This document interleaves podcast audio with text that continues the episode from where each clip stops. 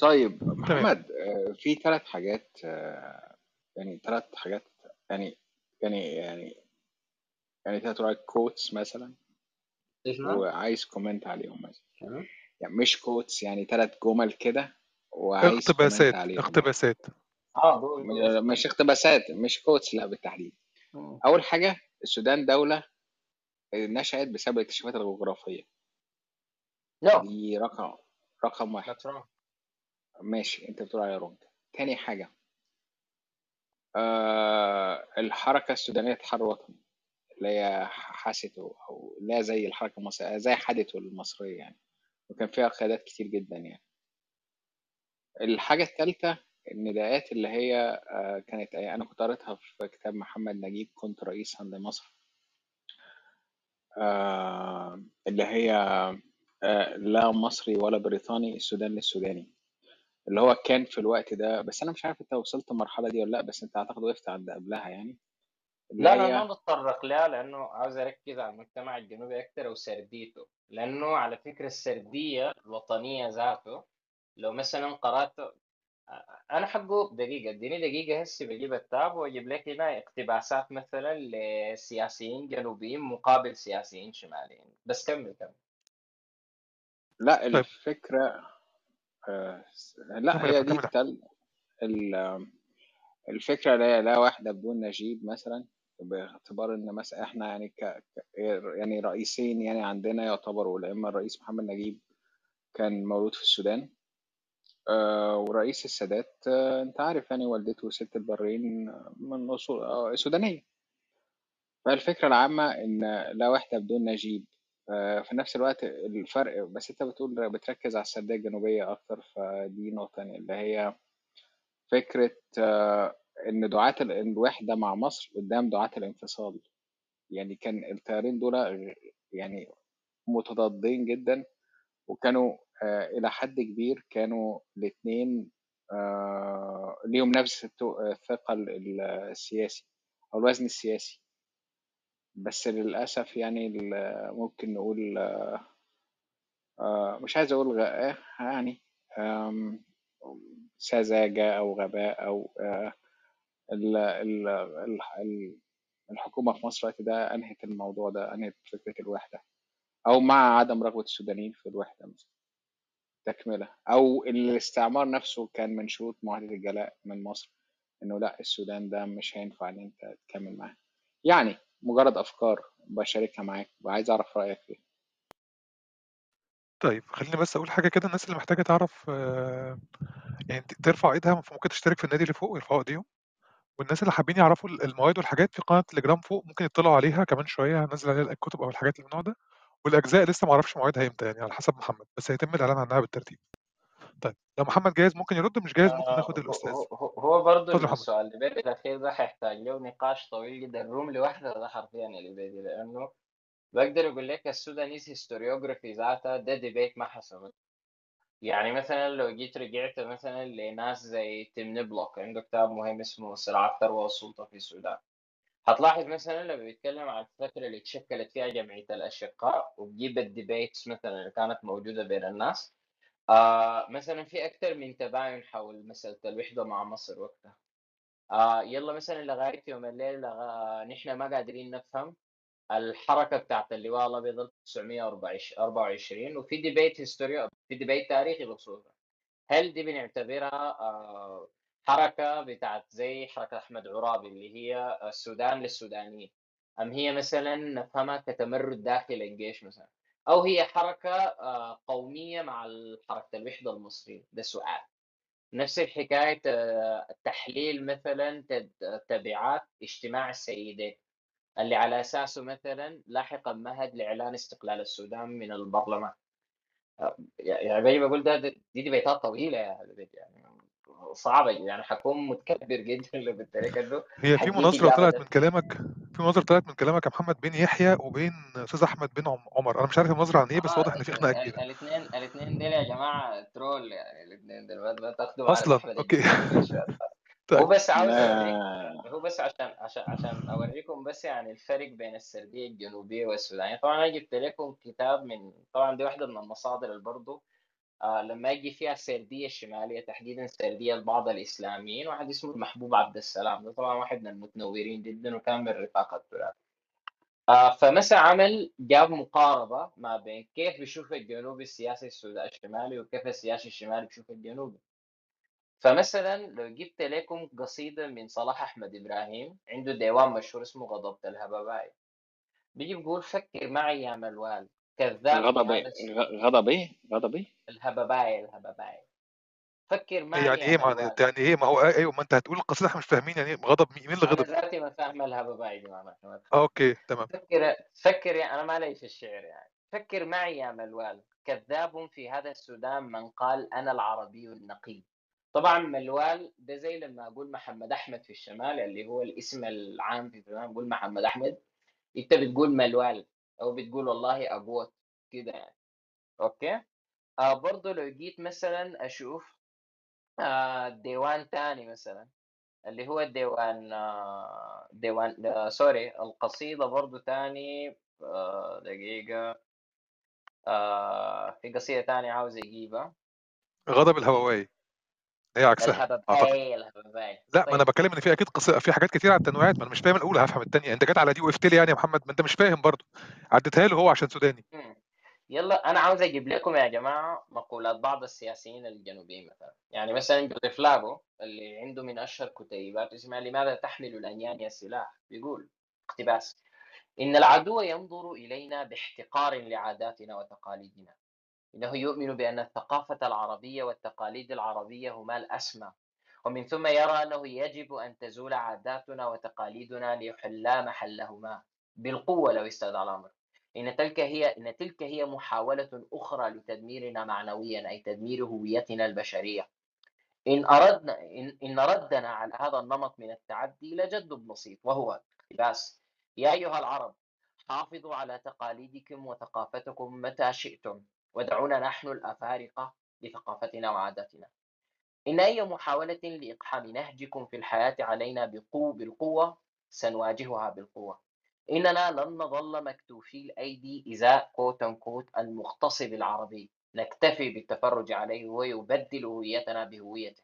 إننا سنظل نقاتل في سبيل البقاء والنماء من أجل تقديم قيمنا الإفريقية الثرية. طيب الحكاية أنه يعني آه، طبعا آه، كان في برضه جوزيف لاغو كان الزول في لقاء مع عساكر عند منطقة حدودية. والشيء الغريب الوقت ده كان ده جزء من عملية الترتيبات الأمنية عشان يشكلوا جيش وطني واحد يعني لاحظوا الفكاهة دي يعني لاحظوا. أوكي؟ فبيجي يقول الآتي لاحظ بيقول لل- للناس اللي المفروض يندمجوا مع الجيش الشمالي لاحظوا الخطاب يعني. في وقت كان ال... وقت كان السياسيين اللي في الشمال وفي المجلس التنفيذي لا دي حشرحها برضه لما يجي الاتفاق أديس أبابا بيحتفوا بالحاصل ده. بيجي بيقول الآن إن إخواننا وإخواتنا في شرق السود شرق أفريقيا لا بد أن يدركوا أننا في جنوب السودان. ومنذ أن وصل أول عربي لجوبا أو ملكال أو واو حتى الآن ظللنا نحمي ليس أنفسنا فحسب وإنما كل شرق أفريقيا من الاستعمار العربي. طيب عاوز أقتبس لكم واحد تاني. اللي هو آه، أوليفر ألبينو. ده في كتاب عنده كتاب اسمه السودان من وجهة نظر جنوبية. طبعا آه، في فيلسوف تاريخ شهير اسمه أرنولد توينبي آه، هنا ده كان واحد من هنا اللي كتبوا برضه أرن- مقدمة أرنولد للكتاب توينبي؟ ده أرنولد كبير توينبي. قوي ده. آه ده أيوه كتب ده كتب المقدمة بتاعت واحدة من الطبعات حقت أوليفر ألبينو ده يعني. ألبينو ده كان وزير يعني في ال... في ال... في ال... هنا في ال... في ال... في ال... في, ال... في, ال... في الثمانينات وطبعا أوليفر ألبينو ده اشتهر طبعا لاحقا انه اتقبض عليه بتهمة تهريب مواد مخدرة في رحلة للسعودية طبعا الوزراء السودانيين فضايحهم كثير بهذا الموضوع ده يعني فبقول شنو اقتباس إن الصراع في جنوب السودان يعزى إلى السياسة العربية الشمالية التي حاولت استيعاب الجنوب وتذويبه ولم تهدف إلى اتحاد بين متساويين وإنما وضعت حساباتها لكبح جماح الروح الأفريقية تمهيدا لرفع رايات القومية العرب قومية العربية. طيب جون جرنج آه sorry جوزيف جرنج جوزيف جيرنج أكيد بتعرفه يا ليبيدي لأنه ده من أشهر الماركسيين في الحزب الشيوعي السوداني يعني. طيب بيجي بيقول شنو؟ اقتباس. طبعا بيحاول يجيب تحليل ماركسي يعني. اقتباس إن السبب الرئيسي لمشكلة الجنوب يكمن في النهج الذي تسلكه الطبقات الشمالية المستغلة وبالتحديد في الإقطاعيين من ملاك الأراضي وبرجوازية الطبقة الوسطى وممثليهم من المثقفين والإداريين في أجهزة الدولة. إن الطبقات المستغلة والتي ظلت توجه التقدم الاقتصادي والاجتماعي والسياسي في الأقاليم الجنوبية قد حافظت على ذات السمات التي خلفها المستعمر الإنجليزي والتي تمثلت في نظام الضرائب والعمل الإجباري وعدم المساواة في الأجور بالإضافة إلى ضوابط ونظم التعليم.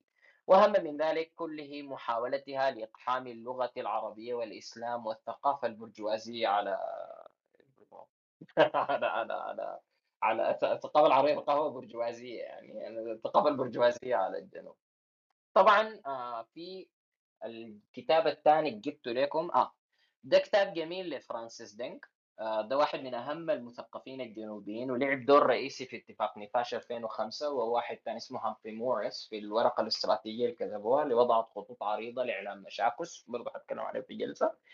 آه بيجي بيجيب نقاش جميل جدا في حرب 67 اللي هو ما بين برلماني اسمه بونا ملوال ورئيس الوزراء السوداني وقتها محمد أحمد محجوب لما كان عاوز يعلن من البرلمان إعلان الحرب على إسرائيل طبعا.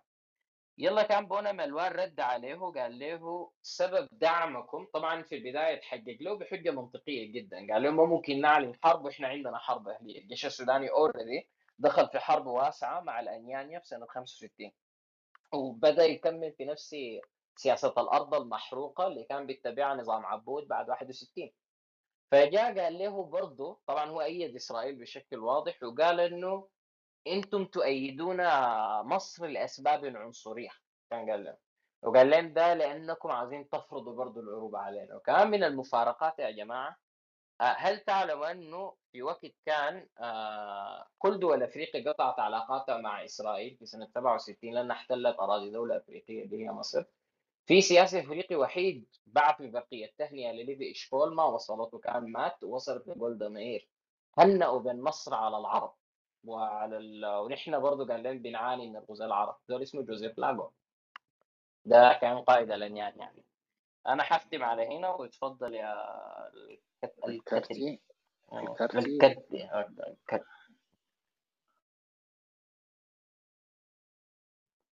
ثانك يو شكرا شكرا جزيلا. لهذا السرد الجميل أستاذ محمد المصطفى وطبعا شكرا لإدارة الغرفة نوي أوت والأستاذ أحمد. أنا كنت بس عايز عندي استفسار صغير جدا فيما يتعلق بالطائفية أو العرقية أو القبلية السالبة أو ما يسمى بال negative ethnicity ودوره السلبي في إثارة التشاكس والتناحر والاقتتال وال... وال... والأشياء اللي بنشوفها دي يعني الجرائم الوحشية بصورة عامة.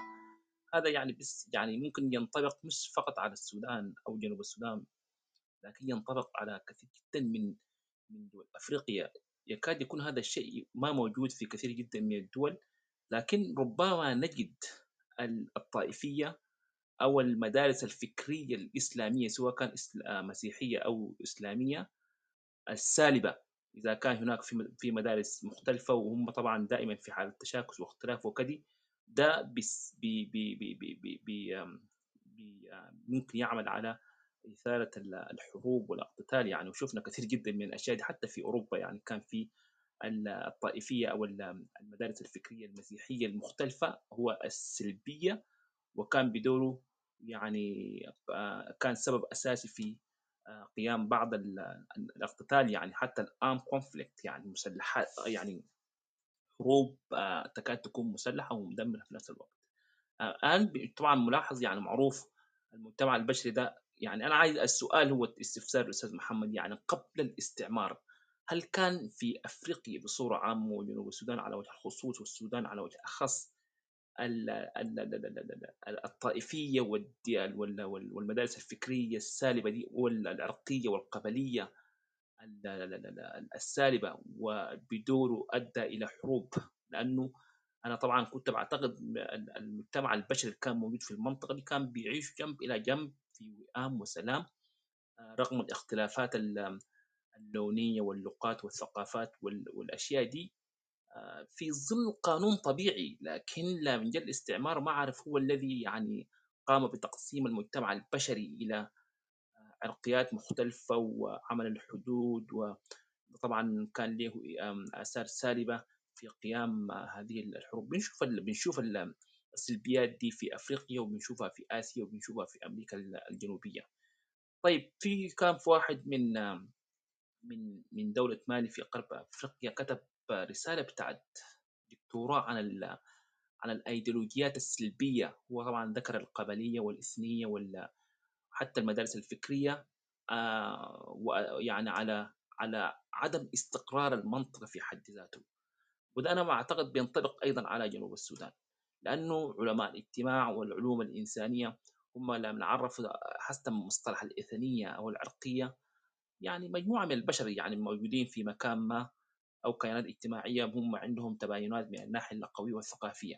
لكن الأشياء دي ربما إذا كان في حكومة بتاعت حكم رشيد وحكومة يعني حكومة يعني راشدة ممكن يتعامل مع هذه الاثنيات المختلفة. ممكن نشوف الأشياء دي مثلا ما بنشوف القبليه السلبية في مصر على سبيل المثال لأنه ما فيش إلا في إلا ما ندر يعني في في جنوب في جنوب مصر يعني كاد يكون بسيط جدا. لكن الحكومة آه، يعني هي يعني مسيطرة على الوضع ولأنه في أمن وفي حكومة وهي تكاد تكون ناجحة في التعامل مع الاختلافات دي. يعني الأشياء تكون تكون متناسية لكن إذا جينا للسودان بنشوف القبليه السلبية في كل في كل مكان. يعني من المستحيل بتجد بأنه ما فيش آه، سلبية أو قبليه أو امين عرقية أو إثنية أو قبليه سلبية في السودان. انظر سواء كان في جنوب السودان في شمال السودان في كل المناطق. بنشوف الحروب دي تقع من وقت لآخر سواء كان في الشرق أو في الشمال موجود في غرب السودان. مثال مثال حي جدا. عشان كده أنا كنت بسأل سؤال مش عايز أطول لأنه أنا سمعت كثير جدا من الأستاذ محمد واستفدنا كثير جدا من من السرد الجميل. لكن الآن ظهور العرقية السلبية وعلى سبيل المثال الشعور بالفوقية والنعرات القبلية والجهوية ونظام العزل الاجتماعي والفصل وجرائم الكراهية العرقية وضعف الإدارة السياسية دي آه، وفي نفس الوقت بنشوف بعض السياسات بتاعت الدول كان له يعني آه، دور كبير جدا في آه، يعني يعني you يعني you عمل العمل على تشجيع هذه السلبية القبلية السلبية وكذا. أنا كنت بس كان عايز تعليق صغير جدا فيما يتعلق بهذا الموضوع. شكرا جزيلا. آه شكرا لك. هو ال... هو هو دائما بيجي بقول إنه كثير من سرديات العرقية والتسييس الجانب الإثني آه هو حديث يعني مجهودات حديثة جدا. آه ما بس كده بتلقاها برضو محاولات لإعادة كتابة آه كثير من القبائل اللي هي بتكون تحالفات سياسية. يعني مثلا لو مسكنا واحدة من أكبر القبائل في السودان. اللي هم الكبابيش. آه، جزء كبير منهم مثلا أو من بطونهم كانت في شكل تحالفات سياسية مثلا. آه لو جينا اتكلمنا مثلا على عرب شمال دارفور برضه نفس الحكاية كثير منهم تحالفات سياسية. آه مثلا هسه في محاولات مؤخرا إنه البيجا يتم الكلام عنهم كاثنيه على الرغم من إنه تسمية البيجا دي لأرض وهما مجموعتين لغويات بداية تقرايت وكثير من الأراضي اللي كانت أراضي مملكة يعني مثلا لو تكلمنا عن البني عامر دي أراضي مملكة جارين في السابق. بيتم تخيلهم كاثنيه وهم ما جماعة اثنيه يعني مثلا لو جيت اتكلمت على ناس اللي هم في آه اللي هم مثلا أهلنا الحباب أوكي؟ آه دي مجموعات البيئة لكن بتلقى مثلا عندهم بقايا في قبيلة دارفوريه زي البني هلبة في جنوب دارفور. هسي في محاولات إنه الناس تتخيلهم كاثنيات دي واحدة من المشاكل. يلا الكاتب عن الحاجة دي بشكل ممتاز في أفريقيا بتلقاه مثلا آه، ممداني. ممداني ما عنده كتاب مهم اسمه Neither Settler or Native. برضه عنده طروحة تانية اسمها The Creation of Permanent Minorities اللي هو خلق الأقليات الدائمة في أفريقيا. أنه تجي سردية سياسية آه الحديث عن قبيلة يعني وده طبعا برضو في كتابات استعمارية وترجمتها ساهمت في الحاجة دي. يعني مثلا لو جينا اتكلمنا عن كتابات ماك مايكل مثلا. اللي جاي يكتب عن العرق في التاريخ أو مثلا في جنوب السودان اللي يتكلم عنه في ايفانز بريتشارد ده anthropologist يعني وده ارتبط بالاستخبارات البريطانية لحد كبير وشغولها يعني. ده مثلا آه نفس الحكاية جزء كبير من تحالفات الدينكا كانت تحالفات سياسية جا كتب عنها على أنها امتداد لقبيلة إثنية okay؟ أو برضه نفس الشيء لما يجي يتكلم عن خصائص النوير حاول يتخيل خصائصهم أنها خصائص إثنية إلى حد كبير يعني. وكثير منها غلط وكثير برضه من ال anthropologist الجنوبيين ابرزهم ساماغوت مثلا برد عليها يعني. آه دي دي محاولات متأخرة أنا بشوف ودي كثير منها مرتبطة بسياقات سياسية معاصرة. آه ودي هي جزء من ال narrative لأنه ال narrative بيخلق مظلومية. يعني المظلومية بتخلق narrative ال narrative ده بيخلق سردية قومية والسردية القومية دي أنت بتجي على أساسها بتعيد تأويل عديد من الأحداث التاريخية. يعني مثلا لو جينا رجعنا ودي الجلسة الجاية حتكلم عليها بالتفصيل يعني. مثلا لو جينا اتكلمنا عن مذبحة توريت. توريت لغاية يوم الليلة ما في آه، مجموعة سودانيين كده قادرين يتفقوا على تعريف لتوريت 55 أو مثلا لو جينا اتكلمنا عن حاجة زي آه، آه، أهمية حادثة زي مقتل ويليام دينك اللي هو سياسي جنوبي. ما في اتفاق من السودانيين حول تعريف اللحظه أو حول أهميتها. أو مثلا الموقف من حرب 67 على فكرة ده كان نقاش كبير ما بين مثقفين سودانيين جنوبيين وشماليين وقتها يعني. أو مثلا حاجة زي آه اسمه شنو؟ آه الموقف مثلا من ثورة ما بعد ثورة 85 انتفاضه 85 والأحداث من 86 لغاية 88 دي برضه شوف المثقف الجنوبي كتب عنها شنو أرجع لكتاب بيرالير وشوف مثلا السياسي الشمالي بيكتب عنها كيف يعني. آه تعال التسعينات. التسعينات في سرديات داخلية جنوبيه يلا نفس الحكاية في سردية لدينكا بور في سردية لأبناء النوير ومكملة ليوم الليلة على فكرة. ودي بتخلت مثلا فئة مشحونة يعني وبقت جزء من popular ميليشيا شعبية اللي هم الجيش الأبيض. الجيش الأبيض اللي نواته من النوير كانوا أقل من 10000 في سنة 2006 هسه هم أكثر من 40000 لو جيت تصنفهم يعني كأعداد وتعداد وكشباب.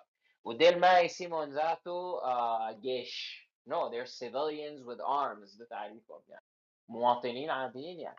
وذاته لو جيت تشوف يعني الطريقة اللي بيتجيشوا بها يعني هي الطريقة التقليدية عند النوير يعني. اللي عندهم فولكلور جميل يعني بيدهن نفسه بال- بالرماد اللي بيكون من ال cow dung اللي هو روث البقر. وبس طبعا جاب الكلاشينكوف يعني.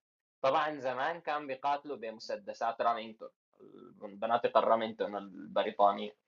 وبرضه جايبين هنا جايبين يعني آه، إرث المقاومة بتاعهم آه، تحديدا ضد الحملات العقابية البريطانية اللي كانت ضدهم وبيغنوا نفس بعض الأغاني المشابهة. طبعا الأغاني اللي عندي بالإنجليزي وباللغة المحلية يعني ما بعرفها يعني إلا يوم أجيب أحد الشباب الجنوبيين الممتازين جدا وبيقرأ عليكم يعني. آه بس يعني.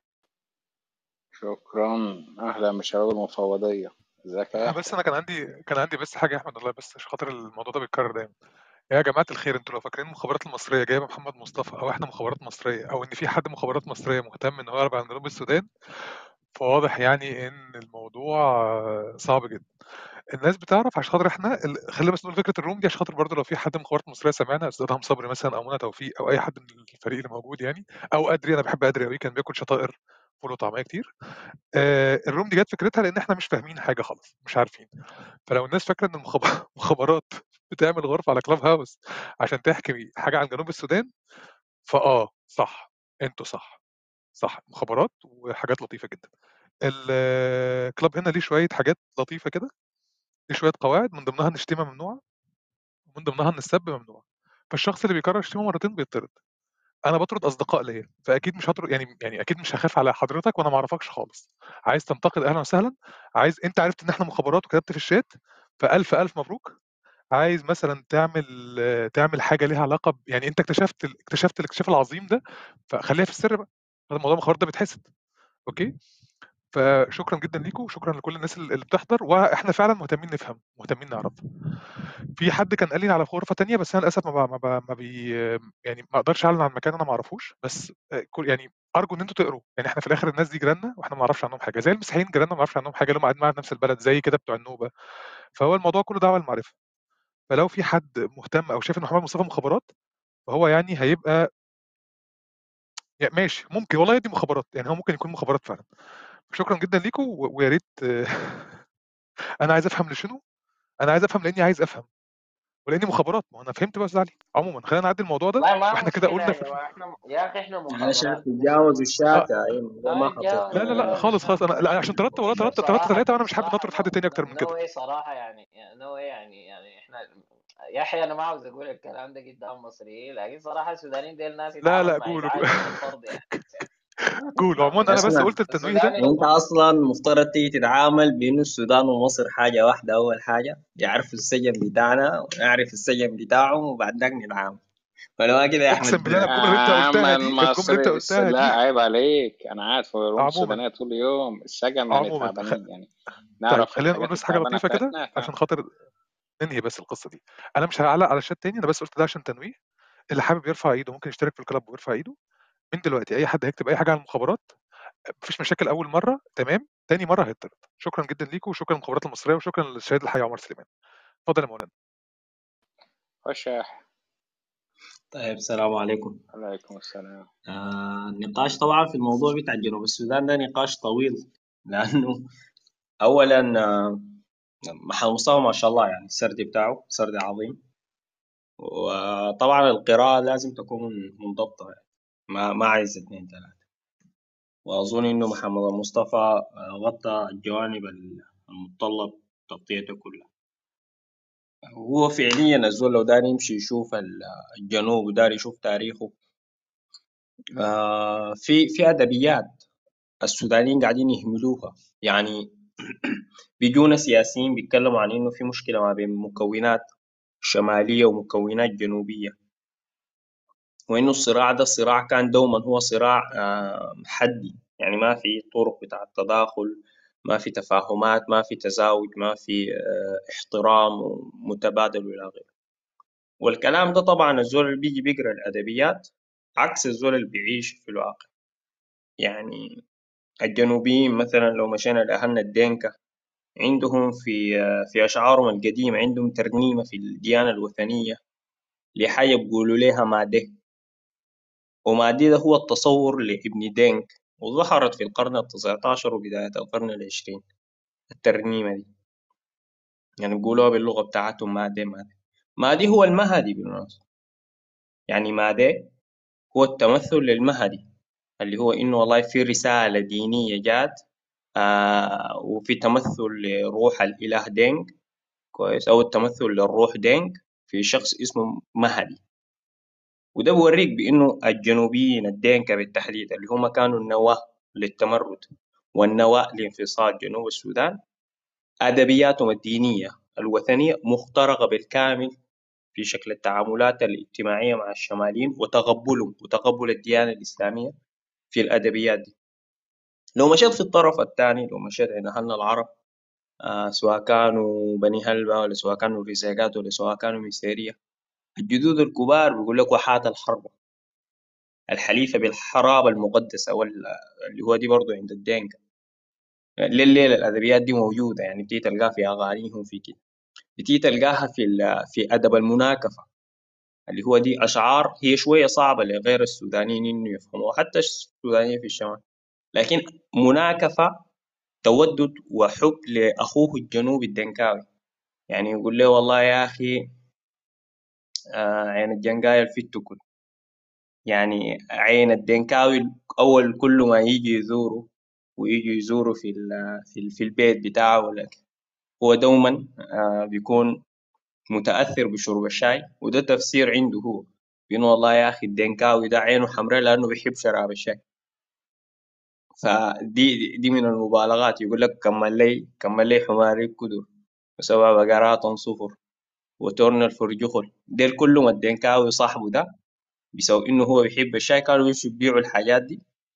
يعني باع ثروته كلها عشان يشربوا شاي مع الجنوبي ده مع الدنكاوي ده. وبتمشي أبعد من كده. يعني مثلا مجموعة اهلنا الرزيقات أنت لو رجعت تاريخيا الزعامة الليلة هي عند بيت آه، آل ماديبو. الناظر ماديبو واسرته لحد اللحظه لكن لو رجعت قبل المهدية تيجي تلقى ال- الزعامة الوقت ده كان مختلفين متشتتين. لكن الزعامة كان عند عجيل الجنقاوي. أو عجيل الجنقاي وهو رزيقي لكن عنده تداخلاته الكبيرة مع أهلنا الدينكا العرب عموما في المنطقة دي كانوا بيسموا الدينكا جنجاي اللي هو التسمية اللغوية لل- للمفرد في اللغة بتاعت الدينكا. فأنت وقت تجي تقرأ إنه الأدبيات دي ما عاملة كده. يعني فعليا ال- ال- الخطاب السياسي اللي بيجي بيسقط كل التلاقح ده وبينسى مسألة إنه حصلت سياسة أرض مقفولة ومن ثم حصل آه، سياسة لتحول نحو مسيحية ونحو لغات بعيدة عن اللغة العربية وبشكل واضح آه، عداء في سياق إنه والله يا أخي الجنوبيين يتم شحنهم إنه الشماليين ديل هم الذين اغتصبوكم هم الناس استرقوكم هم الناس اللي كانوا بيتاجروا في الرقيق وإلى غيره وإلى غيره. والكلام ده غير دقيق.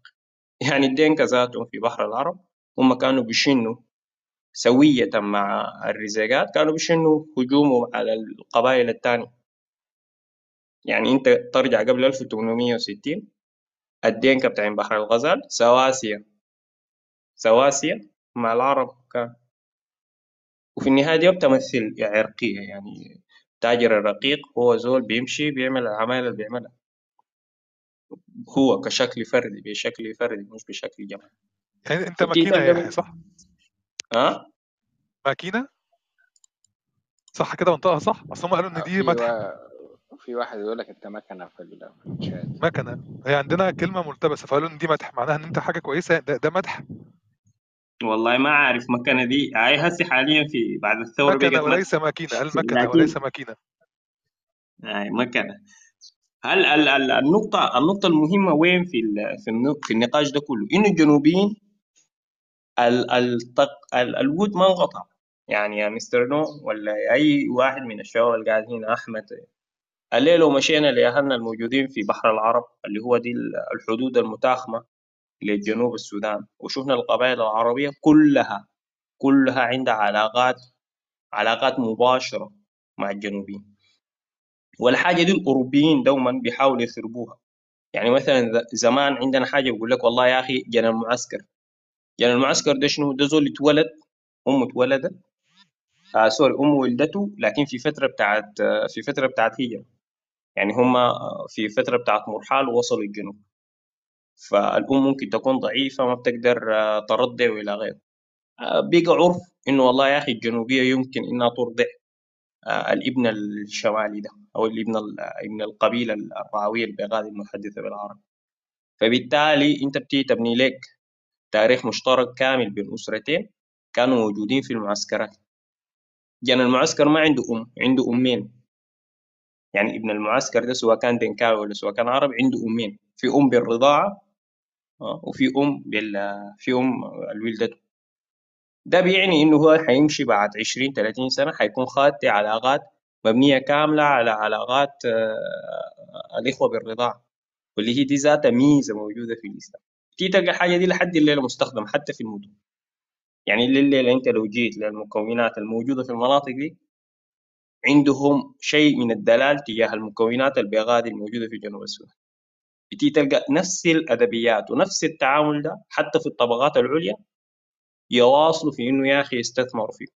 عشان يبنوا علاقات مشتركة عشان يبنوا مصالح مشتركة عشان يبنوا أخوة مشتركة وبيمشوا جدا. بتيجي تلقى التقبل الديني ده كان موجود. على الأساس ده بتيجي تلقى مثلا التحليل ده بنى عليه زول زي فرانسيس دين اللي هو في الهوية الجنوبية والمقاومة في كتابه بتاع صراع الروح. إنه الهوية الجنوبية دي وإن تشكلت في سعيها إنه تكون عندها حرية منفصلة عن الشمالي بعيدة عن علاقات الرق بعيدة عن الصراعات الموجودة مع القبائل الرعوية الأخرى. لكن في نفس الوقت عندها مشكلة في تصوراتها واللي التباس في تصورات المقاومة. الجنوبي يلتبس لأنه في الأدبيات الوثنية الأدب الوثني عنده الأدب في في في في الدين الروحي. الإسلام هو شريك في ترانيم مادي مثلا. شريك مش مش عدو شريك. لكن ينظر ودي واحدة من المصايب برضه ينظر للعرب الموجودين بالريبة. خصوصا بعد العملية تمت اللي هو هجوم القوات المهدية على جنوب السودان. فأصبح التحول ده بالكامل بأنه مجموعة العرب هم كلهم معتدين. حتى الناس اللي دخلوا معاهم في علاقات وفي تصاهر وفي تزاوج تم التعامل معاهم بأنه هم آه، بواقي من المعتدل دي واحدة من المشاكل اللي بتيجي تنظر لها الدنكاوي لليلة عنده مشكلة والتباس في فهمه للعروبة. يعني هو ما قادر يفسر المجموعات العربية الموجودة في السودان ويصنفها. ودي واحدة من المشاكل الكبيرة. في نفس الوقت هو عنده تصور بأنه كل المجموعات دي هي منه خرجت منه المفترض يستوعبها الكلام ده قاله فرانسيس ذاته في تصوره هو لمسألة الرق يعني هو بيحاول يخلق للجنوبيين أسطورة موازية ويقول إنه فيها كل الشماليين ديل عبارة عن دينكا سواء كانوا من أمهاتهم ولا سواء كانوا من أبهاتهم. ليه؟ لأنه والله يا أخي هو آه هو قادر آه يفهم بأنه في تزاوج وفي تداخل تم بين المجموعات العربية والمجموعات الزنجية لكن في نفس الوقت التزاوج ده غير مقبول عند العربي وتسماه شوفينية. آه، شوفينية موجودة في شمال السودان وموجودة في غير شمال السودان في بعض المناطق هو بيسميها. وفي نفس الوقت عندك مشكلة تانية بتاعت إحساس بتاريخ آه، هو تاريخ عار عند الجنوبي. التاريخ بتاع العار ده طبعا متمثل في شخصيات يعني مثلا علي عبد اللطيف نحن بننظر له كشخصية قومية كشخصية آه، فاعلة في التاريخ السوداني. لكن ينظر له في الجنوب عند الجنوبيين ودي حاجة أنا دوما بكون حريص إنه أنا أعرفها بأنه تاريخ عار. لأنه هو ابن الدنكاوي الذي تم استرقاقه الذي آه، ودوه صعيد مصر ومن ثم جاء وقعد في الخرطوم ومن ثم دخل في علاقات وحصل له تحول في في المفهوم بتاع الهوية بتاعه آه، ومن ثم بقى منافح لمسألة الوحدة مع مصر وإلى غيره وإلى غيره. ده كله بينظر له عند المثقف الجنوبي بأنه تاريخ خزي وعار ما تاريخ بتاع تلاقح بين بين فئات اجتماعية عليا. والحاجة دي واجهها أول ما واجهها ودي مشكلة برضو اللي هو المثقف الجنوبي اللي جانا آه، في في في الشكل في الشكل المؤسسات التعليمية. لأنه هو أول المجموعات اللي تم استيعابها ودخلت الجامعات السودانية هم أبناء الزعامات القبلية. الموجودة في جنوب السودان سواء كان أبيل ألير ولا سواء كان حتى المجموعة بتاعت دينكا بور بما فيهم الذكر وجبيري محمد المصطفى جوزيف جوزيف قرنق وحتى مثلا ناس زي فرانسيس دينك وأخوه أخوه عبد الله ونحن حنيجي للنقطة دي.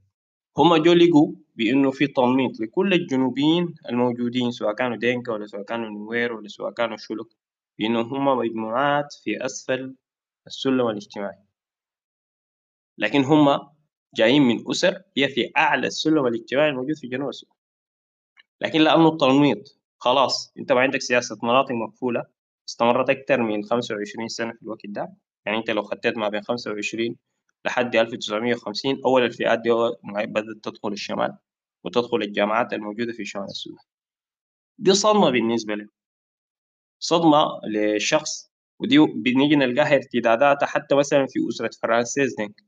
يعني فرانسيس أخوانه الأكبر منه هم دخلوا الإسلام وتربوا عند أسر آه، مسلمة. يعني أخوه الأكبر وفرانسيس ذاته مع إنه بعدك تحول للمسيحية ودخل الكنيسة. هم تربوا في بيت الزعامة آه، القبلية لأهلنا آه، عرب المسيرية اللي هو الشيخ بابو نمر وحتى كتب عنه كتاب والكلام ده يعني بتيجي تلقى دلالاته في كل الكتابات وفي كل الأحاديث اللي بيتكلم عنها فرانسيس. لكن في مشكلة في إنه ديل أبناء زعامة بشوات زي ما بتقولوا أنتوا في مصر بشوات جنوب السودان يتم التعامل معهم بأنهم هم شوية عمال وشوية ناس عندهم أصول في الرق ناس أنون يعني. دي خلقت عند النخبة الجنوبية جرح كبير شديد. يعني الجرح ده لحد الليلة موجود بتيجي تلقاه حتى في السخريات بتاعت فرانسيس. ودي في واحدة من سخرياته إنه جاء لي واحدة من السفارات ولقى سوداني قاعد في البوابة. فهو مما شافه اتكلم معاه بإنجليزي آه، تعبان كده. قال يعني دار يقول له نو وان هي قال له هي نو المهم قال له جملة كده منتهية. فقام قال له يا أخي اتكلم معي عربي. قال له باللسان بتاع ال- الامدرمانيين دي. قال له اتكلم معي عربي. فرد عليه الزول قال له والله أنا قايلك جنوبي. يعني حتى الموقف ده مع إنه موقف يمكن إنه أي زول بيتعداه عادي بانه هو من باب السخرية لكن فرانسيس وقف عنده من باب الحساسية already هو كان عايشها لاكثر من 50 سنة. فأنت عندك مشكلتين عندك مشكلة في إنه ما تم استيعاب الطبقة العليا الجنوبية في داخل السياق الشمالي ولا حتى في داخل السياق المصري لأنه المصريين كانوا بينمطوا الجنوبيين بنفس الأسلوب اللي كان بينمط به الشمالي الجنوبي. دي الحاجة الأولى. الحاجة الثانية لأنه الاستيعاب في الطبقة العليا دي ذاتها في الفترة اللي هم كانوا بيقاوموا سياسة المناطق المكفوله وأول ما انفتحوا على الشماليين في الخمسينات في بداياتها اتصدموا بإنه الاستيعاب ده ما عنده معنى. ما أنت بتقاوم كطبقة عليا في مجتمعك بتقاوم المسألة بتاعت المسيحية والمسألة بتاعت تحولك الثقافي من قبل الأوروبي كم؟ 20 سنة أو قريب ال 30 سنة. لكن أول ما تيجي ترجع لفضائك الطبيعي تلقى الفضاء الفضاء الطبيعي اللي هو أنت نزعت منه انتزاعا هو رفضك أصلا. كويس؟ المسألة بتاعت الرفض دي خلقت أزمة كبيرة. عشان كده الهوية الجنوبية في الأساس هي ما قائمة على رفض العروبه والإسلام. هي هي قائمة على رفض تم بعد 1924 للوضع الجنوبي. ولتصورات الجنوبيين بانهم قد يكون عندهم وضع طبقي وطبقات عليا وطبقات دنيا. الحاجة دي استنكارها حتى بعد ذاك إذا مشى وأنا أجي اختم النقطة الأخيرة دي بأنه هم بنوا كل أساطيرهم الدينية إنهم هم موجودين في سياق بتاع أمة واحدة مع مع النيل ده وامتداداته ماشية لحد مصر النتيجة بعد الفشل في إنه هم ما قدروا ما قدروا يدخلوا في السياق الشمالي السياق العربي ده. والسياق العربي ده أصلا هو رافضه وينظر إليهم كطبقات دنيا بأنهم بدوا يفتشوا عن عن أمة كاملة. يعني الجنوبي من ثم في كامل التاريخ بتاعه الصراع المسلح ده كان دوما هو واقع في أطر ما حقته. يعني فترة طويلة في الستينات والسبعينات كان ينظر إلى أثيوبيا بأنها امتداد له والحاجة دي بتيجي تلقوها الليلة في الجنوبيين. الجنوبيين مثلا أهلنا الدينكا عندهم ست روايات عن أصولهم والست روايات روايات أسطورية وكلها نشأت في القرن العشرين.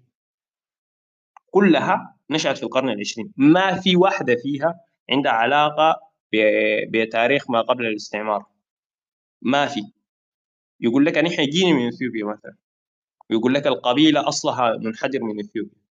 ليه؟ لأنه والله يا أخي الحاجة دي ظهرت في يوم من الأيام في سياق بحثهم هم عن الأمة المتخيلة إنه يكونوا جزء منها.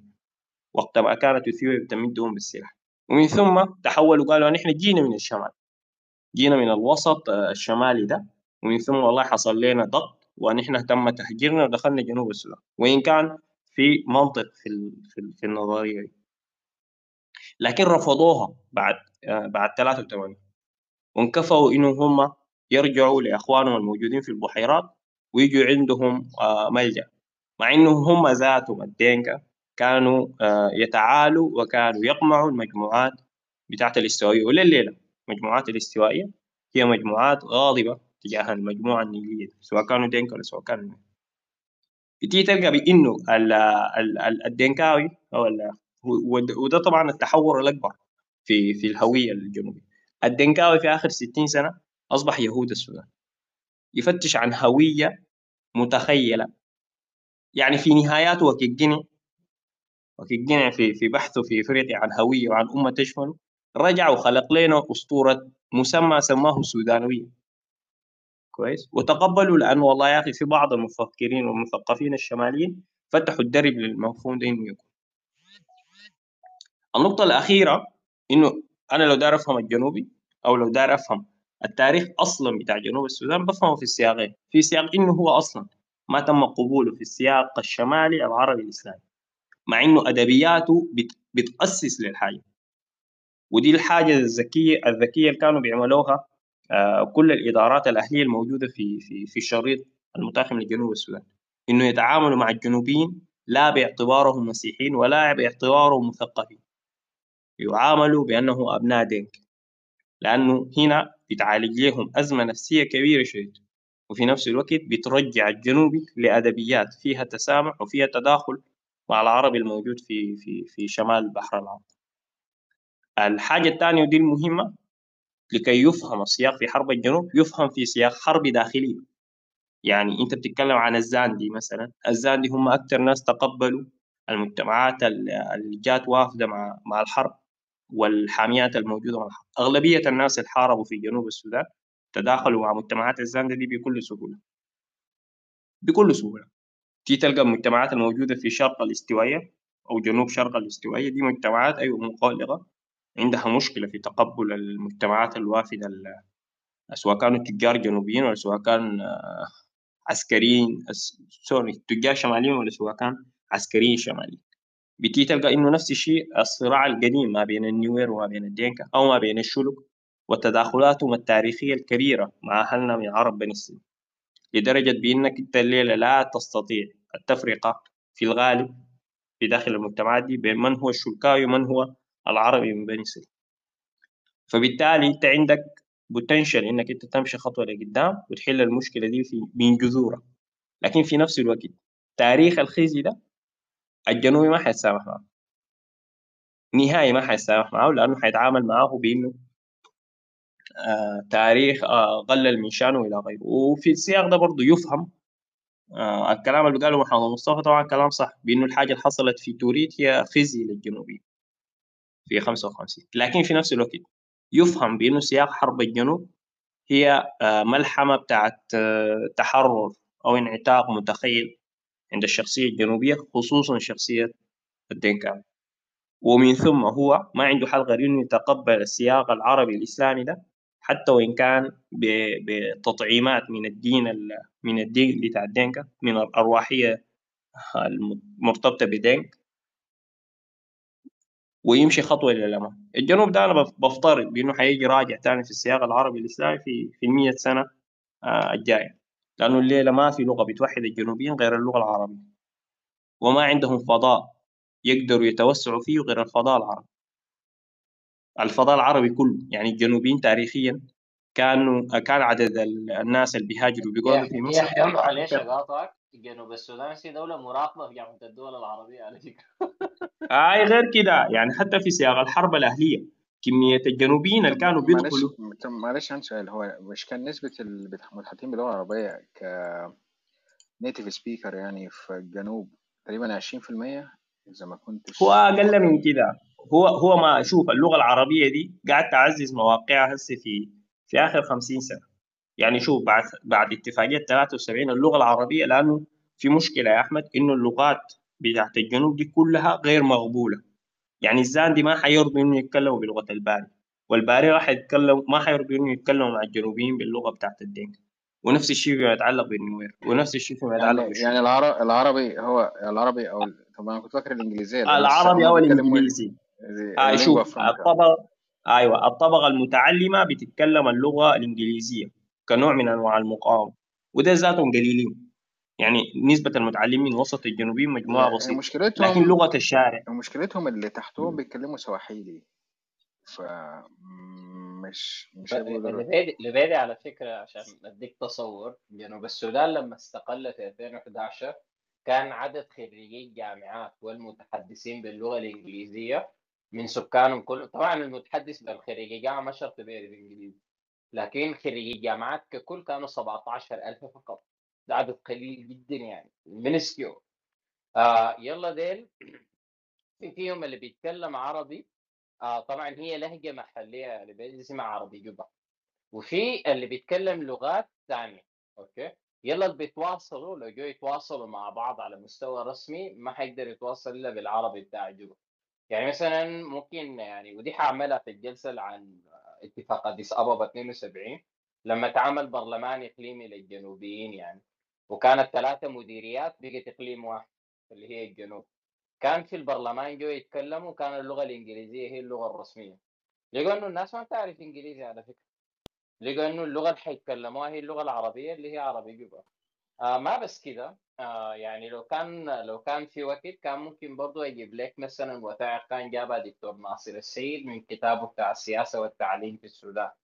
كان برضو من المراسلات من من من القساوسه بتاع الارساليات بس وينجر محمد محمد الجنوبيين مش هيوافقوا على الطرح ده. آه الجنوبيين الجنوبيين هو هو مش فكرة مش أي ما جنوبيين ما حيوافقوا ما حيوافقوا على بس الطرح ده. آه أي جنوبيين ده هنا السؤال الاساسي منو يعني جنوبي؟ الدنكا لأنه في. مثقف آه حيقاوم يعني الدينكا الدينكا ذاتهم ما كتلة واحدة. شوفوا في في- يعني آه. كتلة الدينكا هي كتلة بيربطها في الأساس اللي هو التصور للإله دينك واللغة. ما في حاجة بتربطهم. يعني أنت الليلة لو ده تتكلم عن زعاماتهم. أنا أضرب لك مثل ب- بالدينكا اللي حصل لهم تعريب عالي جدا اللي هم واللي هم النخبة السياسية والنخبة المثقفة اللي هي وسط الدينكا والنخبة اللي قاعد تنظر لمسألة الهوية اللي هم الدينكانجوك. فعليا الدينكانجوك وصل الأمر لدرجة البيت البيت الواحد. يعني يعني إحنا الزول اللي ذكرناه فرانسيس دينك فرانسيس دينك اللي هو بقى مسيحي وتبنى الاسم ال- الاسم الكنسي. أخوه طوالي تحول وبقى وغير اسمه اسمه عند الولادة وسمى روحه عبد الله تمام؟ الأسرة دي في حد ذاتها الليلة منقسمة ولا دمه شوف يعني دينك ماجوك اللي هو زعيم القبيلة. زعيم قبيلة الدينكا نقوك هو ذاته في داخل البيت الأسرة منقسمة إلى مسلمين ومسيحيين وأرواحيين ولسه قاعدين في الوضع الوثني. أنت لو داير تتكلم في الموضوع ده أنا أقول لك ده صراع رؤى زي ما سماه فرانسيس. ليه؟ لأنه نزاع الهوية في السودان. عند مجموعات الدينكا وصل لحد البيوت داخل أنا أضرب لك مثل مثلا بأسرة عاشت معانا في في شمال السودان. كويس؟ وبرضه من الناس اللي بيتكلموا في المواضيع دي بكثرة. الزوجة زوجة الرجل ال- المعني ده أصبحت مسلمة وهو مسيحي. أصبحت هي مسلمة وهو مسيحي. الأخوان في حد ذاتهم يا دوب يعني إحنا عندنا وهو بنعتبره أخو يعني اللي هو جوج. جوج ده قبل ثلاثة سنة تحول للإسلام وسمى روحه محمد. فأنت لو ده تتكلم في صراع الرؤى ده أو في صراع الهويات هو ما على مستوى القبائل هو على مستوى البيت الواحد. يعني ده وصل حدة التوتر بتاعه. أكتر من كده ما حيكون فيه. وقت تيجي تقول لي ما حيقبلوا منو ما حيقبل؟ الشلوك حيقبلوا. الشلوك بينظروا لأنفسهم بانه أصلا هم في موجودين في السياق الشمالي ده. وأولاد أولاد آه، عمومتهم وخيلانهم هم بيغادي في عرب بني سليم. آه، وللعلم إليهم في الحرب. الشلوك كمان يعني ما بس كده عندهم سردية ذاته يا لبيدي بخصوص تأسيس الدولة ما بعد ما بعد في واحد 2011 في بس اذنك عن- في واحد اسمه آه. أستاذ علي في الشات زعلان قوي أنا مش فاهم هو زعلان ليه؟ ما ما يعني تشتغل بالموضوع. يا يا ولد ما روق روق. قل الموضوع قل قل يا نرجع للموضوع ده. آه في يعني مثلا لو قريت لجوشوا كريس ده انثروبولوجي اسي مثلا. يلا بتشوف انه لما تأسست ولاية اسمها يونيتي في جنوب السودان برضه يا لبيدي. يلا كانت حرفيا على حساب طمعهم وترحيل كميات كبيرة من السكان مثلا من آه الشلوك آه برضه كان في سؤال ذاته قبل الاستفتاء مثلا. هل يتم استيعاب الشلوك كشماليين أو جنوبيين؟ برضه كان في مشكلة أرض يعني واللي كان آه، هنا كتبوا عنها ناس فرانسيس دينج ده نفسه منصور خالد اللي هم أهل ناس الزاكي البني سليم. نفس الشيء الكلام عن وين يتموضعوا في الجنوب وفي الشمال. وفكرة إنه ذاته في السلم بتاع القومية مثلا أو تخيل ال- الأسطورة الجنوبية هم وين حيكونوا موجودين. يعني هو جنوب السودان فيه رؤى أو فيه أكثر من رؤية. يلا جلساتنا دي اللي بيدي نحن بنوريك زاوية واحدة إنه آه كيف كان رؤيته للوضع من 1900 sorry من 1924 لحد 2011 2011 أنت عندك مجتمع جنوبي مر بمرحلة مختلفة. وهسي برضه في سرديات طب مختلفة أنا في سؤال هسأله يعني ليك كل يحيى يعني يوم ممكن أديك ping ل room room فيها جنوبيين من إكواتوريا. أنت حتسمع حاجة غير خالص؟ متخيل. حتسمع يعني. متخيل والله. بس أنا عندي سؤال ليك كل يحيى طب أنتوا أغفال أنتوا بتبصوا على المكون العربي أو يعني حسب كلامكم إن ال... ال... الإنتليجنسيا اللي في شم... جنوب السودان إلى حد ما آه، حاسة آه، بتآمر أو العرب بيعاملوهم أو الشماليين بيعاملوهم بعنجهية وي- وحتى يحيى ذكر المصريين كمان. طب في دور للدين في الموضوع ده؟ هل تفتكر المستعمر أو غير عيد المستعمر كلامك تاني؟ عيد كلامك انت بتتكلم على انتليجنسيا في جنوب في جنوب السودان أساسا آه، سواء من الدنكا أو النوير أو الشيلوك تقريبا. الثلاثه يعني هم شايفين العربي الشمالي ده وحتى يحيى اتكلم إن إن إن عدم إدماج الشماليين أو المصريين ليهم في المنظومة دي كانت مشكلة. السؤال هنا هل الدين برضو ليه دور في الموضوع؟ رغم إن في نسبة مسلمين كبيرة مش كبيرة يعني 15 ولا 20% أنا فاكر كان في الجنوب برضو. وحتى نسبة المسيحيين برضو نفس النسبة أو يمكن أعلى قليلا بس الأديان اللي هي ال- المحلية أو ال- أنت فاهم؟ دي بر... أعتقد دي الأكبر يعني أو الأديان اللي هي غير هو هو الدين هو أنا لو طبعا. فهمتك مم. أنا لو فهمتك زي الناس آه هو شوف الإسلام ما كان مشكلة. المشكلة كانت في التجارة بتاعت الرقيق وفي المسألة بتاعت الهجوم على معسكرات. شوف ال- الدنك الموجودين في بحر الغزال نفسيا متخففين من المسألة بتاعت الحروب بتاعت الرقيق دي لأنه هم ما تمت مهاجمتهم يعني أغلبية الهجمات اللي تمت في تجارة الرقيق ما بين 1830 و 1860 تمت لكامل الشريط ما بين عالي النيل وما بين بور اللي هم نحن بنسميهم دينكابور بصورة أساسية. آه المتبقين والناس اللي حاربوا من مسألة فرض الحرية وفرض منظومة هم دينكابور المجموعات البقية تم تجريفها وبقت أقليات في داخل الدينكا. ده خلق أزمة. يعني حتى الدينكا منقسمين في رؤاهم. يعني تصور الدينكا نجوك للعربي يختلف اختلاف كامل لتصور الدينكا بور للعربي. لسببين. الدينكا نجوك هم كانوا زعامة عليا متوافقة مع العرب في في منطقة أبيي يعني مثلا الأسطورة بتاعت أهلنا الدينكا نجوك بإنه جدهم الأسطوري اسمه لونجا أو لونجار اللونجار ده آه، هو من ثم جاتنا المجموعة بدينديو وإلى غيره. ديل ديل بينظروا لروحهم كطبقة حاكمة. يعني الحاجة دي مستلفينها جدا عن جد عن جد عن الإله ذاته. والحاجة دي جو العرب لقوها وتقبلوها. يعني حتى الإنجليز وقت جو الزعامة الموجودة في أبيي أخذها حفيد حفيد النسب ده اللي هو دينك ماجوك أو دينك دينك ماجوك زي ما نحن بنقول. آه ديل هم كانوا حتى زعامة على العرب. يعني كانوا ينظروا للعرب في في منطقة أبيي كرعاية ما كل العرب بعض العرب. يعني في آه، مشايخ داخلية آه نحن بنسميها بالعربي بنقول والله دي عمد. كان في عمد تحت أي عمدة كان في مجموعة من المجموعات العربية أو أو الأسرة العربية. كان الرأس بتاعها الرأس في القضاء والرأس في في المسائل الحربية وإلى غيره زول أنت بتيجي تسميها بتسميها بغادي ود تقريبا. فهنا ينظر الدنكاوي الموجود في أبيي بأنه هو كان زعيم على المنطقة وحتى هو كان عنده حكمة سياسية بأنه يحكم حتى مجموعات عربية. وينظر للهوية بتاعته بأنها هوية متعددة العرقيات ومتعددة الجوانب الدينية والثقافية واللغوية وإلى غيره.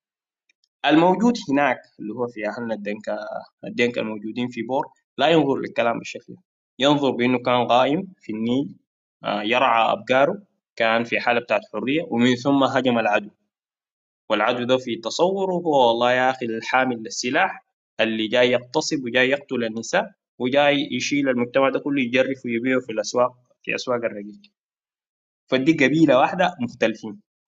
لو مشينا أقصى الجنوب الزاندي ما احتكوا مع ال- مع مع الشماليين العرب وفي الغالب ما احتكوا مع الإسلام ذاته إلى أنت بتيجي تتكلم فترة حديثة جدا يعني إلى الأربعينات والخمسينات.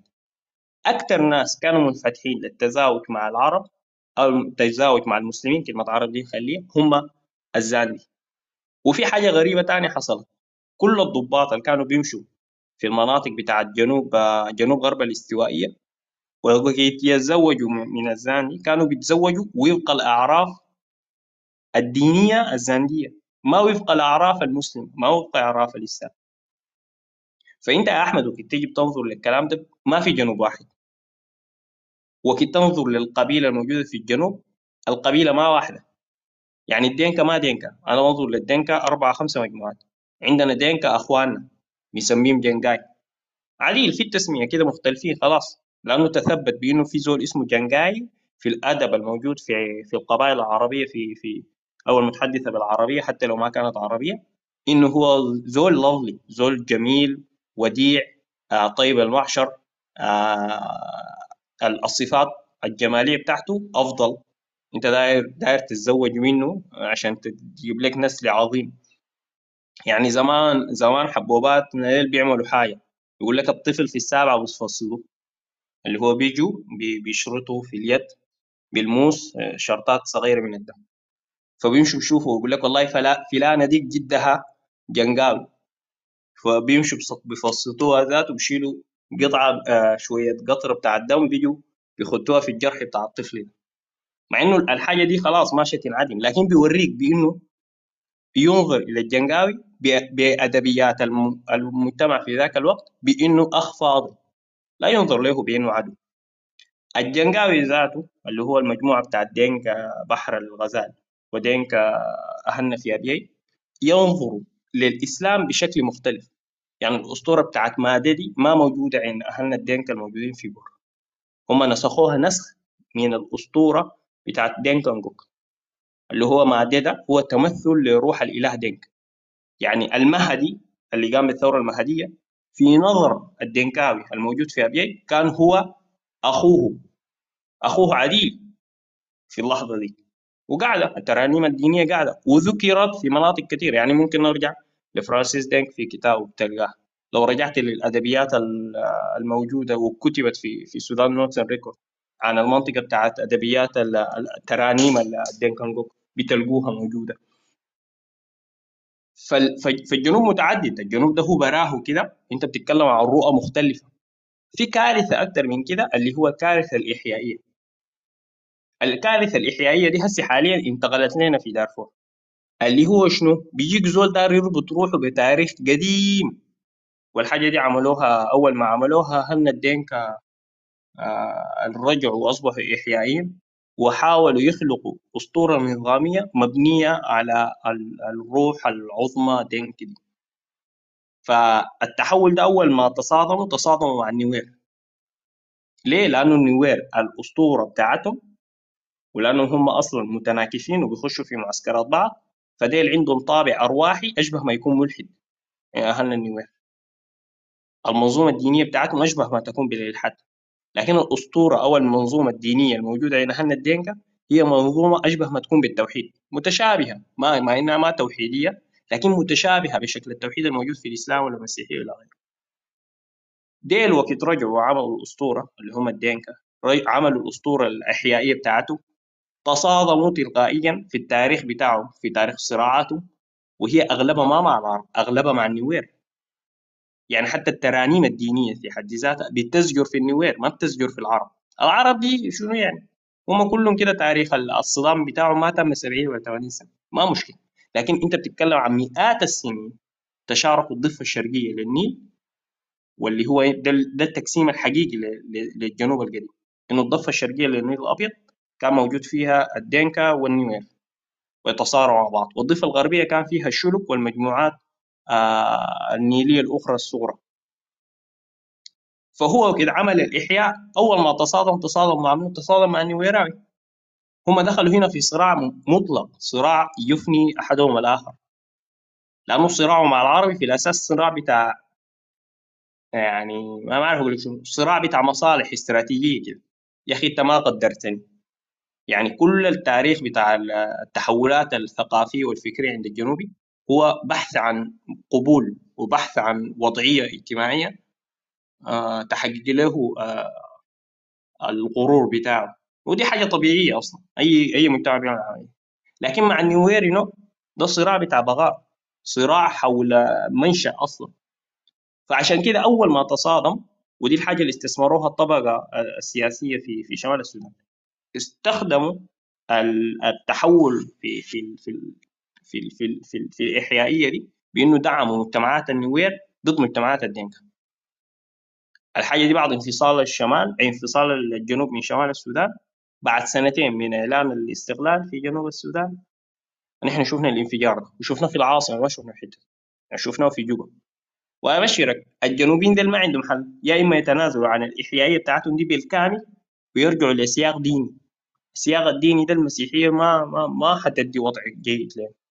لأنه النوير ما حيرضوا بالمسيحية مع إنه نسبة المسيحيين عندهم عالية لكن ما حيرضوا بالمسيحية لأنه التفسيرات المسيحية كلها بتتعارض مع الرؤى الأساسية الاجتماعية الموجودة عند اهلنا النوير.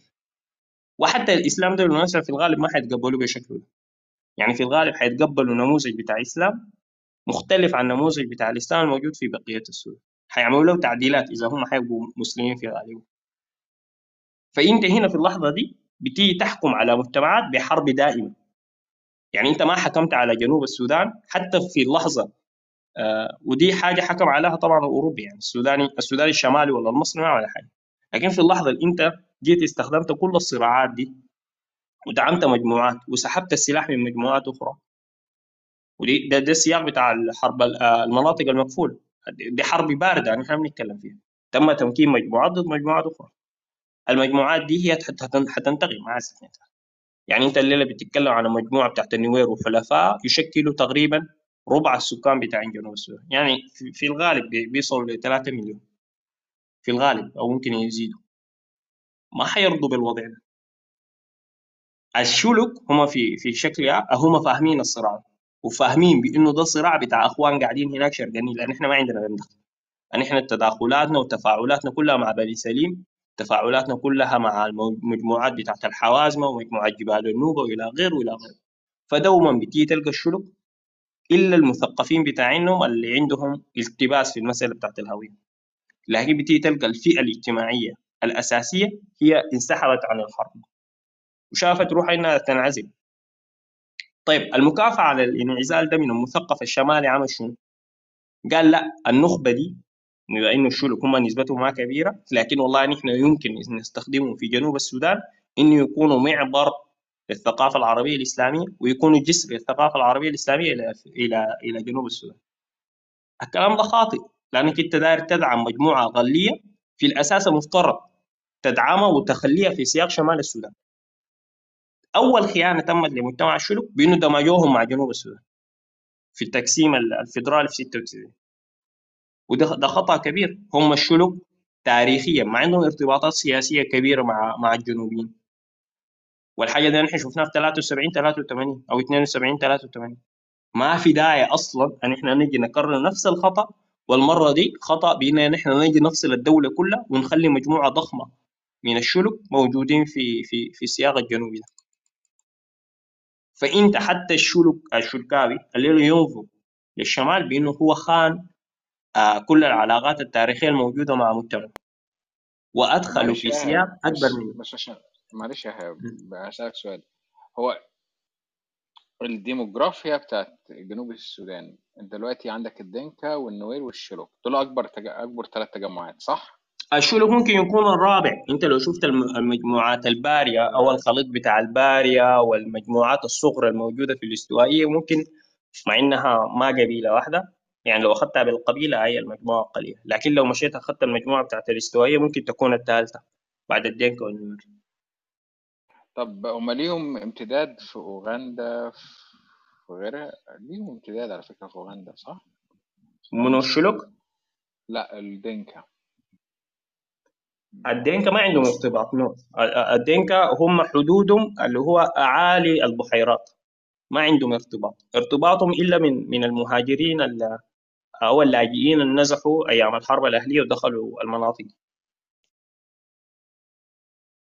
لكن ما عندهم امتداد ما عندهم امتداد إثني وعرقي يعني. حاجة دي غير موجوده طب طيب النسب. النسب طولنا شوية. لا النسب النسب بس النسب يا يحيى عندك فكرة؟ نسب محمد أو يحيى هو شوف النوير النوير النوير كشعب بيعملوا زي 18 19% والدينكا هم أكثر من الربع يعني ممكن يوصلوا 27 28% طبعا ما في أرقام مؤكدة. آه الاثنين مع بعض الاثنين مع بعض يا دوبك ممكن يجيبوا 40% أو كم 40 ممكن نقول 43 44% ال- البقية إنت بتيجي تشوف بتيجي تشوف النسب النسب أي مجموعة. طبعا في مشكلة تانية في قبائل هي منقسمة لكن متوحدة في اللغة. يعني نحن بنقول الدينكا وهم قبائل داخلية. اللي بيوحد مجموعات الدنكا دي كلها اللغة. لكن بنفس المنطق ده المفترض نمشي نشوف المجموعات اللي بتتحدث لغات آه، هي لغات أبناء عمومة أو أخوات آه، لغوية مثلا للباري أو نمشي نشوف ال- الزاندي مثلا. ونيجي نشوف امتداداته ودي واحدة من الحاجات برضو لأنه نحن وقعنا في الفخ بتاع الجنوبي، الجنوبي ينظر للزاندي بأنها مجموعات وافده من الكونغو. وحقيقة الزاندي الكتلة الكبرى من الزاندي موجودين في الكونغو ما موجودين في السودان. ما عندهم علاقة بالسودان ككتلة بشرية ضخمة. فنحن وقعنا حتى في فخ التصورات الموجودة عند الدنكاوي الجنوبي ده أو موجودة عند الشلكاوي أو ايا كان اللي هو موجود في سياق. تفسيره هو لجنوب السودان في في سياق السودان الجديد أو سياق الحركة الشعبية. ف لكن يعني أنت هم بيحاولوا يلاقوا سردية يعني من وجهة نظرك أنت عشان أكيد هم معترضين عليها يعني أكيد يعني عشان ما عندناش حد جنوبي أو قاعد معانا على البانل الفكرة إن هم بيحاولوا يجدوا سردية معينة آه، سردية تاريخية معينة يؤكدوا بيها إن هم زي عنصر آه، مختلف عن بقية العناصر الموجودة في السودان أو يعني ليهم تاريخ مختلف ليهم أصل مختلف أو حاجة زي كده. ده حسب كلامك أنت ده اللي فهمته. أي أنت هو هو ما عنده حل. الإحياء اللي أنت قلت عليها الإحيائية صح؟ أنت قلت عليها الإحيائية. أيوه هو ما عنده حل. وهو ما عنده حل. يا إما الثقافة العربية الإسلامية دي تقبله ونرجع للأدبيات القديمة اللي أصلا فيها قبول مشترك بين الفئتين سواء كانت المجموعة هنا آه، الدينكا أو الشلك أو عند عند عند المجموعات العربية. ما عندنا حل غير كده. الحل الثاني إنه حيكون هائم كده ها- هائم في إفريقيا دي يمشي يفتش. آه إيه أنا هسه مشيت شفت لك. في في المجموعه بتاعت اللواء. واللواء ديل هم قريبا ل 2 مليون. يعني هم برضه بيشكلوا تقريبا الخمس. آه النيوير هم طبعا مجموعة أصغر. يعني النيوير هو المجموعة الثالثة لو أنت حسبتها كمجموعة لغوية مقارنة باللواء. لكن اللواء لأنه مشتتين.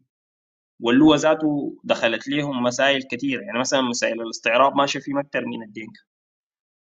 اللواء. آه، ال- ال- ال- التقبل التقبل ذاته لل- لل- للرباط التاريخي مع النيل بيخلي إنه آه، بيخلي إنه المسألة دي يتم التعامل معها بشكل أفضل عند المجتمعات. في نقطة أخيرة للمصريين اللي هو مسألة إنه في رغبة لل- للارتباط خصوصا عند الجنوبيين أنا قاعد ألاحظها هي رغبة بريئة للارتباط مع النيل مع حضارة وادي النيل. طبعا أنا في السودان عندي عندي عندي تفسير إنه في رغبة بريئة وفي رغبة شريرة. يعني الرغبة الشريرة للأسف هي موجودة في شمال السودان ما موجودة في الشمال اللي فوق جنبك لا موجودة في الدولة اللي اسمها السودان في تخوم يعني في أطراف من الدولة وفي رغبة بريئة موجودة عند أهلنا الجنوبيين إنه الحل الوحيد وبرضه بينظروا له بإنه عندهم ارتباطات تاريخية قديمة مع إخوتهم في أسفل النيل وإخوتهم في أسفل النيل ودي أسطورة قديمة شديد يعني دي أسطورة حتى عندها ارتباط ديني. أخوانهم في أسفل النيل كلهم بالجعليين هم عرب بال- بالنوبيين بالمصريين بينظر لهم إنهم في في سياق ال ال ال ال في سياق الأخوة التاريخية دي. التاريخ مشترك. أيوه هم هم الحاجة دي بيقبلوها لكن ودي دي برضه حاجة عندهم مشكلة في تقبل التاريخ المشترك ده الحديث. يعني هو الجنوبي تلقاه بريء في كل التاريخ ده لحد 1890 بعد 1890 بيزعل بقول لك ال- انت بعد 1890 نفس كل الشخصيات دي انت جايب لي شخصيات آه هي شخصيات والله آه فيها عار بتاع استرقاق أو فيها عار بتاع إنه تم المعاملة معاملتهم بأنهم أسفل الطبقة الاجتماعية وإلى غيره. المصري عنده ميزة بالمناسبة أكثر مني أنا الموجود في شمال السودان. إنه في مجموعات كبيرة من النخب اللي كانت موجودة في الفترة ما بين 1890 و 1924 الليل هم مصريين. يعني أحفادهم مصريين. وأنا اضرب مثل بالأسرة الكبيرة اللي علي عبد اللطيف طبعا هو بعد ما المشروع بتاع ثورة 1924 فشل هو هاجر إلى مصر وقعد في القاهرة إلى ان مات. وقعد مع الأسرة بتاعت آه، عبد الحي. اللي هم هم برضه جنوبيين آه، تاسلموا منهم ال- منهم ال- الشاعر عبد الحي ومنهم الأسرة بتاعت أحمد عبد الحي إلى آخره. الأبناء وهم تزوجوا من مصريات طبعا. أبناء هذه الأسر الليلة أصبحوا مصريين. يعني حتى عبد الحي الأسرة الكبيرة هم مصريين لأنه ده الجيل الثالث من التزاوج مع المصريين. فحتى السحنه بتاعت ال- الدينكا بتيجي تلقاها مخففه هاي طوال لسه دي الحاجة الكويسة. بتخلي بتخلي الجنوبي على الاقل يقول والله ديل ديل لسه شايلين الدم الدم اهلنا دينكا التاريخ ده لا يقرأ. يعني التاريخ ده في حد ذاته لا يبحث عنه. والحاجة دي أنا كنت بناقش فيها أخونا خالد السراج قبل فترة. قلت له يا أخي إلى الآن المدافن بتاعت علي عبد اللطيف وأسرة عبد الحي ما عارفينها وين في مصر. يعني إحنا عارفين الموقع لكن ما عارفين الأسرة الماسكه المدافن دي منو. وهم أصبحوا مصريين يعني خلاص. فأنت بتيجي تتكلم عن زعامات. والله الشيء الغريب يا يحيى لو مشيت لولد عبد الفضيل آه، عبد الفضيل الماس كان عنده فيديو قبل فترة. لو تذكر يا يحيى الفيديو الفكاهي ذاك. هاي يلا عبد الفضيل المازي بالمناسبة ده الفشل. الفشل بتاع إنه أنا من نازل ما قدرت أستوعبه. يعني 2011 والزول ده غاضب ليه على السوداني لأنه سحبت منه الجنسية. يعني تخيل يا أحمد أنت جدك يعتبر بطل قومي. لكن انت حفيده تسحب منك الجنسية يقول لك انت جنوبي في بعد انفصال ال- انفصال الجنوب. دي أزمة كبيرة دي أزمة نفسية ذاتها. خليك من انها هي تكون أزمة. وعلى لكن هو هو مقاتل هسه في العدل والمساواة كان مقاتل. لغاية هو متمرد أيوه. هو تمرد فات فات وأصبح من الضباط المتمردين. العدل الع- العدل والمساواة ده مش دارفور. دي أيوه شربكة دارفور تاني أيوة. دي شربكة تاني ما حنتطرق لها يعني. هو أنا أنا بس كنت طالب إن إحنا نعمل زي آه، يعني ملخص سريع كده من محمد ومن يحيى بحيث إن إحنا نختصر ونبدأ الجلسه التانيه إن شاء الله يحيى بالنقط اللي هنتكلم فيها. ونحدد لها ميعاد. آه. يعني أنا أنا بس بختم لكم بإنه الجنوب الليلة في علاقاته هو عنده عنده عنده ميزة أفضل مننا الشمال أو الموجود في شمال السودان. إنه عنده علاقات تاريخية في التاريخ الحديث في الرموز الوطنية اللي مؤسسة للسودان. يعني سواء كان على عبد اللطيف ولا أسرة عبد الحي ولا المجموعة اللي اللي كانت موجودة من الضباط ضباط القوات ال- آه، القوات الم- السودانية الموجودة في الجيش المصري. وموقفهم هم ذاتهم في انه هم يرتبطوا بمصر ومن ثم يتحولوا لإنهم يبقوا نخبة مصرية آه، أو يبقوا مجموعات مصرية والليل هم مصريين. ده بالتالي حيجي يقول لنا يا أخي محتاجين شكل من أشكال السردية. المفترض تتبني على التصاهر وعلى العلاقات الإيجابية مش العلاقات السلبية. أنا موجود في شمال السودان ما عندي النماذج. دي. يعني أنا ما عندي النموذج بتاع عبد المنعم عبد الحي. النموذج ده بلقاه في القاهرة للأسف. ما عندي النموذج بتاع علي عبد اللطيف وشكل العلاقات اللي كانت موجودة في المجتمع البسيط الصغير المجتمع السياسي ده. يجي بلقاها الليلة هي موجودة في مصر.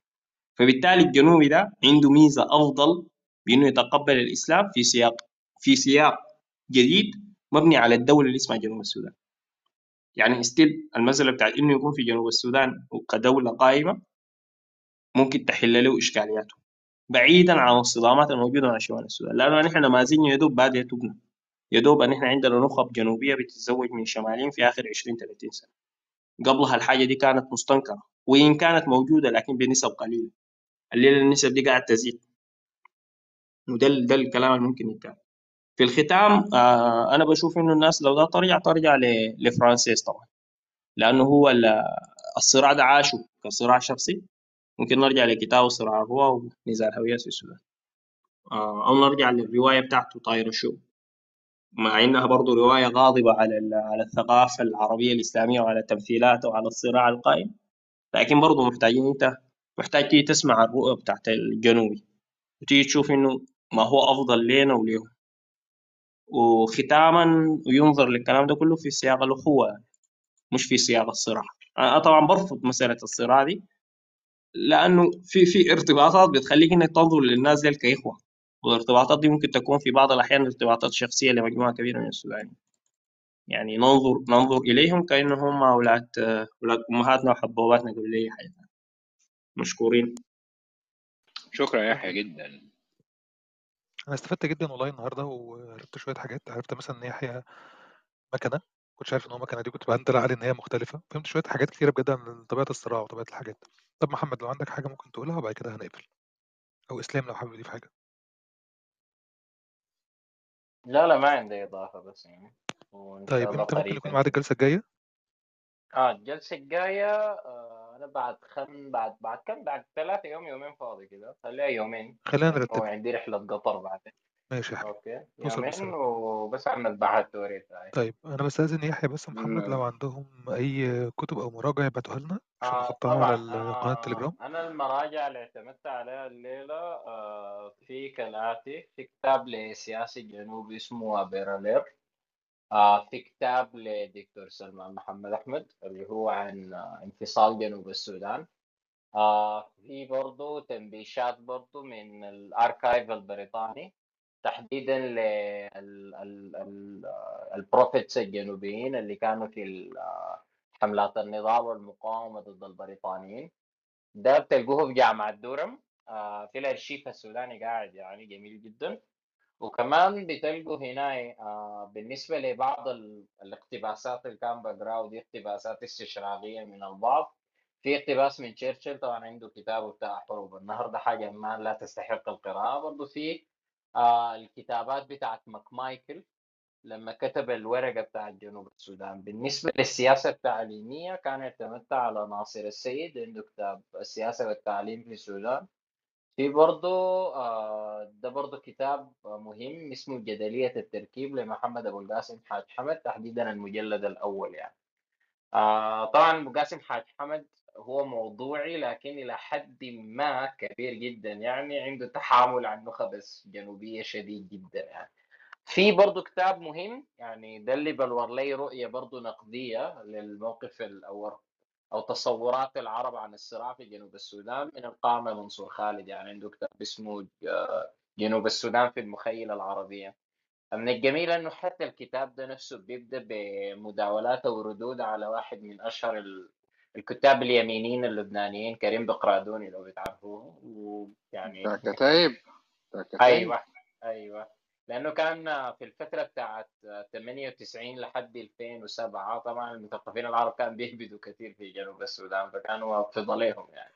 مش كفاية هبد في لبنان يا كريم. راح للسودان والكتب الكتب اللي أنا ممكن برضو بر- برجعكم لها في كتاب لواكيم راسك آه، ماركوس. هو هو مصري اسمه تطور نظام الإدارة في السودان ما بين 1899 و 1924 والمواضيع دي شرحها بشكل كويس. عندنا كتاب آه، فرانسيس دينق صراع الرؤى نزاع الهويات في السودان والرواية بتاعته بتاع طارق الشو آم، برضو ممكن نرجع دينكا كتاب بالإنجليزي ما تم ترجمته اللي هو People of Two Worlds or Between Two Worlds تقريبا.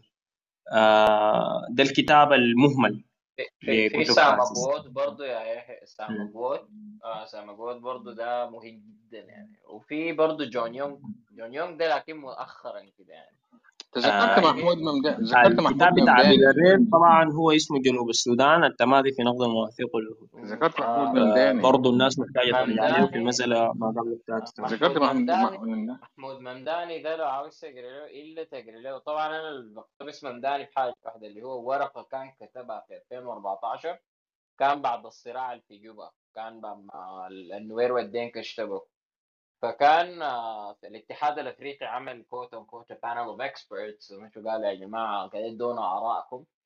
فالورقة بتاعته عن ال political violence العنف في جنوب السودان كعنف سياسي. كانت رأي منفصل لأنه اختلف من لجنة الخبراء وكان بينتقدها شديد يعني. آه يعني برضه لو حابب برضه وجهات نظر حديثة في anthropologist يعني شاب برضه بيتكلم عن جنوب السودان بيكتب عنها كثير. وده ناقد شديد لاتفاقيات السلام. حتى عنده article أخيرة في African Arguments اسمها Death by Peace اسمه جوشوا كريز ده عظيم يعني. أنا أصلا في الجلسة الرابعة والخامسة حجيبه إن شاء الله يعني. ده كمان ده كمان فكاهي جدا يعني. ده عنده أسلوب فكاهي حلو كده في السرد يعني. تمام شكرا جدا ليكم وشكرا للمخابرات المصرية. وشكرا للمخابرات الأمريكية كمان والكي جي بي والسي آي اي وكان في إيه تاني؟ أنا مش فاكر بقيت اجازة أسماء بس كل شكرا ليهم كلكم شكرا ليكم كلكم و- وهننزل الكتب إن شاء الله وأسمائها كمان شوية على شكرا ليهم ده كان درس تاريخ ساعتين جدا أنا بصراحة يعني استمتعت جدا جدا. جدا. شكرا يا يحيى وعلى مشاركتك وشكرا محمد جدا على تحضيرك وعلى استجابتك للدعوة. طيب مش هت... مش هتقعد عفوا. هنقفل دلوقتي يلا. سلام عليكم.